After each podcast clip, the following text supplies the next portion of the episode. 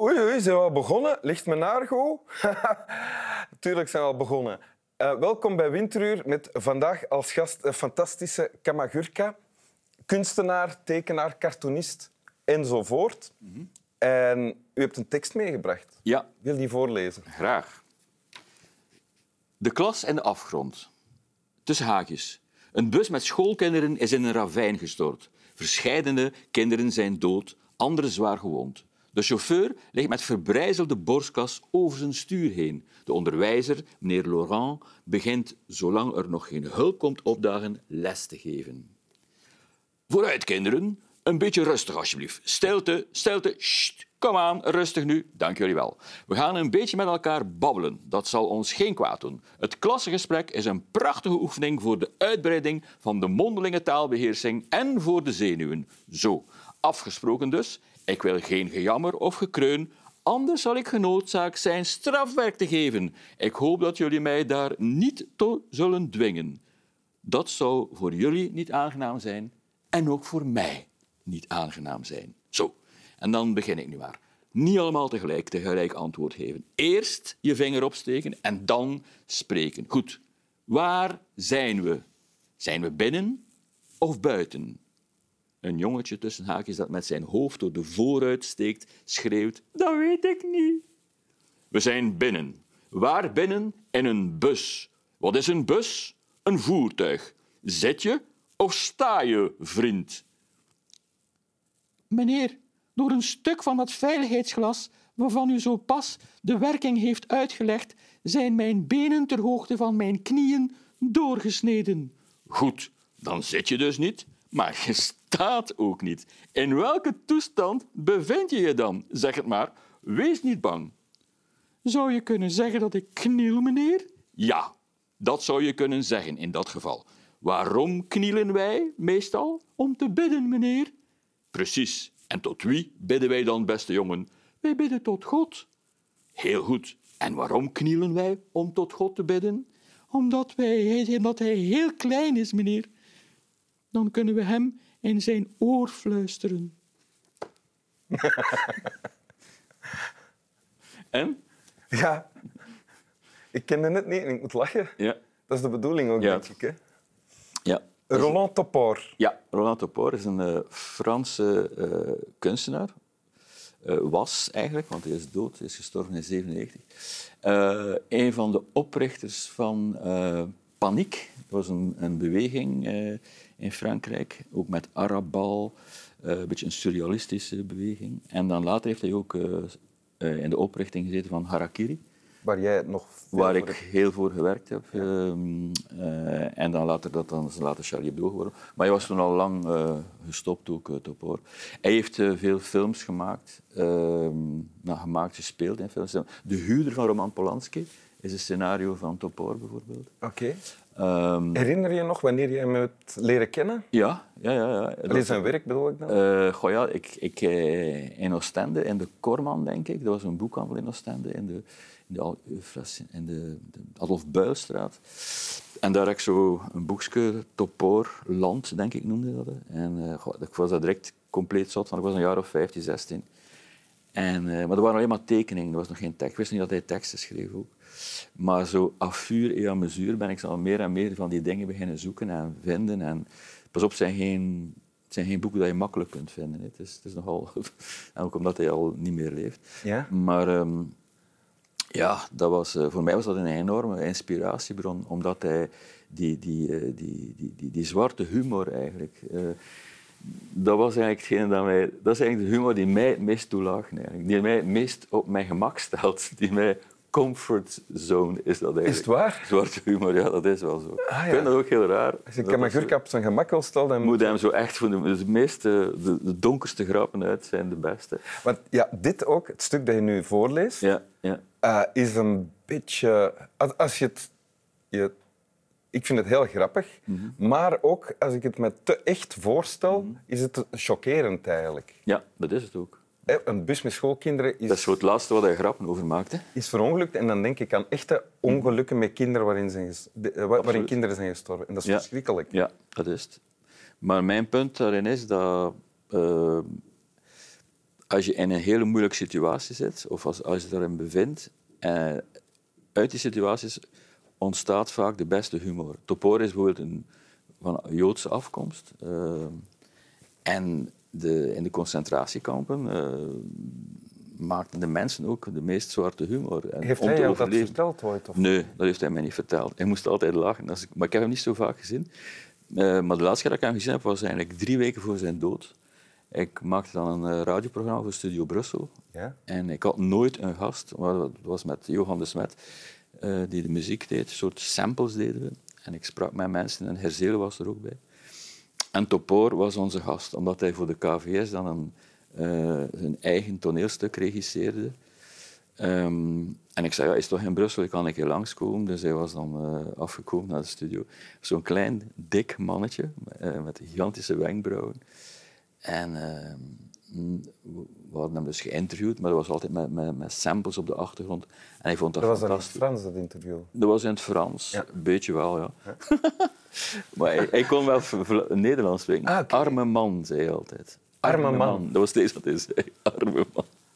Ja. Maar dus na die, na, die, ehm, na die opnames zijn we dan iets gaan drinken, hè, zo, eh, in, in, in een cafeetje in Brussel.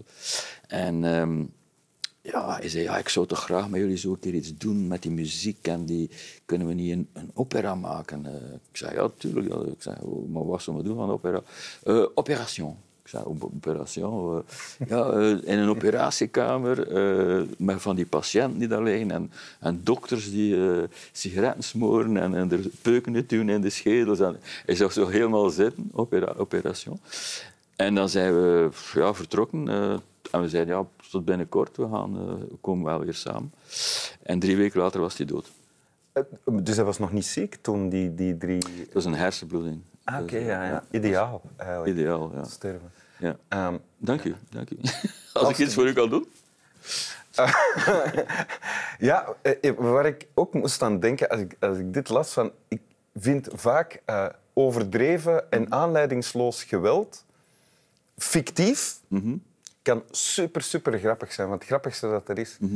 Terwijl echt geweld is het meest ongrappige dat er is. Ja. Dat daar zit toch een link, hè? Ja, de, absoluut. Maar ik denk ook van, ehm, we zijn nu in een periode van grensoverschrijdend, eh, dat mag niet. Dus, wat ik bedoel? Dus grensoverschrijdend gedrag met dieren, met mensen, dat mag niet. En dan terecht, dat mag niet. Maar we moeten wel opletten dat zich dat niet eh, verder zet in de kunst, bijvoorbeeld. Ja. Omdat kunst net grensoverschrijdend bijna moet zijn om te, zichzelf, hoe moet ik dat zeggen, dat het er is als een soort van ehm, bevestiging van ik ben, ik, ik ben goed bezig. Ik ga over een grens heen waar dat er nog niet over geweest is. ja. Maar door het feit dat het kunst is, is het, eh, komt het pas echt tot zijn recht. Doordat de grens overschrijdt. Want eh, het stuk dat je eh, nu meebrengt, is er eigenlijk een voorbeeld van. Dat vind ik wel. Ja. Ja. dat vind ik wel. Als de, want heel veel mensen, en ik heb ook, allee, ik hoor er al heel mijn leven op, maar heel veel mensen zeggen altijd van, dat, dat kun je toch niet brengen, zoiets. Dat kun je toch niet mee lachen. Nee, je kunt daar niet mee lachen. Maar als het grappig is, wel. Want het gaat over de grap. Gaat niet over de situatie. Ja. Die grap, die situatie wordt gebruikt om een grap te maken. Maar als de grap goed is... En het is ook zo van... Eigenlijk is dat een zeer positieve tekst. Want de leraar gaat voort met de les. Ja. De leerlingen gaan verder erin mee. En allee, ja, het, het, is, het is eigenlijk, eh, wat je zou kunnen zeggen, ehm, naar school. Ik zat in auto nog te pezen, eh, met al die oorlogen van tegenwoordig ook. Maar een leraar die voor de klas staat en in de verte horen ze bommen vallen, bijvoorbeeld. En die leraar gaat toch ook voortgaan met de les Over DT. over DT-fouten Ja. weet ik wat. Waarom? Omdat het belangrijker is dan die oorlog. Hé? Ja.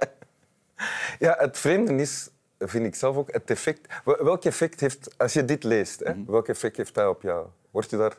Ik word daar rustig van. Ik, word daar, ik, word, ik ben zo blij dat iemand dat zo mooi opgeschreven heeft. En ik wil meer lezen daarvan. En ik krijg daar heel veel positieve energie van, waardoor ik zelf begin te dingen te maken en mij niet ga inhouden. Ja. Want dat is het ergste dat je als artiest kunt doen, je inhouden. Omdat je denkt van oei, dat gaat niet goed zijn. Maar een beter effect kan je jezelf niet wensen als Nee, eh, nee. maker. Hè. Wil je het nog eens voorlezen? Ja, Dan gaan en nu, wij, niet, en nu niet meer kunnen voorlezen. Hoor. dan gaan wij, gaan wij gaan zien welk effect het kunnen lezen. Hoor. We praten door elkaar. Oké, maar ja, het is. Ja. Heeft hij nog geen bril nodig? De klas en de afgrond. Tussen haakjes. Een bus met schoolkinderen is in een ravijn gestort. Verscheidene kinderen zijn dood, anderen zwaar gewond. De chauffeur ligt met een verbrijzelde borstkas over zijn stuur heen. De onderwijzer, meneer Laurent, begint zolang er nog geen hulp komt opdagen les te geven. Sluiten haakjes. Vooruit, kinderen. Een beetje rustig, alsjeblieft. Stilte. Kom nu, rustig. Dank jullie wel. We gaan een beetje met elkaar babbelen. Dat zal geen kwaad doen. Het klassengesprek is een prachtige oefening voor de uitbreiding van de mondelinge taalbeheersing en voor de zenuwen. Zo, afgesproken dus. Ik wil geen gejammer of gekreun, anders zal ik genoodzaakt zijn strafwerk te geven. Ik hoop dat jullie mij daar niet toe zullen dwingen. Dat zou voor jullie niet aangenaam zijn en voor mij ook niet. Zo, dan begin ik nu maar. Niet allemaal tegelijk antwoord geven. Eerst je vinger opsteken en dan pas spreken. Goed, waar zijn we? Zijn we binnen of buiten? Tussen haakjes. Een jongetje dat met zijn hoofd door de vooruit steekt, schreeuwt... Dat weet ik niet. Sluit de haakjes. We zijn binnen. Waar binnen? In een bus. En wat is een bus? Een vervoermiddel. Zit je of sta je, vriend? Meneer, door een stuk van het veiligheidsglas waarvan u zo pas de werking heeft uitgelegd, zijn mijn benen ter hoogte van mijn knieën doorgesneden. Goed, dan zit je dus niet, maar je staat ook niet. In welke toestand bevind je je dan? Zeg het maar hoor, wees maar niet bang. Zou je kunnen zeggen dat ik kniel, meneer? Ja, dat zou je in dit geval wel kunnen zeggen. Waarom knielen wij meestal? Om te bidden, meneer. Precies. En tot wie bidden wij dan, beste jongen? Eh, wij bidden tot God. Heel goed. En waarom knielen wij om tot God te bidden? Omdat hij klein is, meneer. Dan kunnen we hem in zijn oor fluisteren. Dank u wel. Heerlijk, hè? Slap wel. Jo. Ja. Dat is een goede tekst. Ja. Ja, het klonk bijna alsof dat Camille Kafka met Heer Zelen aan het praten was in de Dus- dialoog. Het is een beetje dat. ja. Maar we hebben dat afgekeken eigenlijk, hè? Als je het zo ziet. Alleen gewoon afgekeken, maar Ja. zo een beetje die, die, die sfeer zit daar. Maar dat is zo sterk vindt. En die heeft zoveel goede teksten. En je zo... Pas op, moest je dat misschien?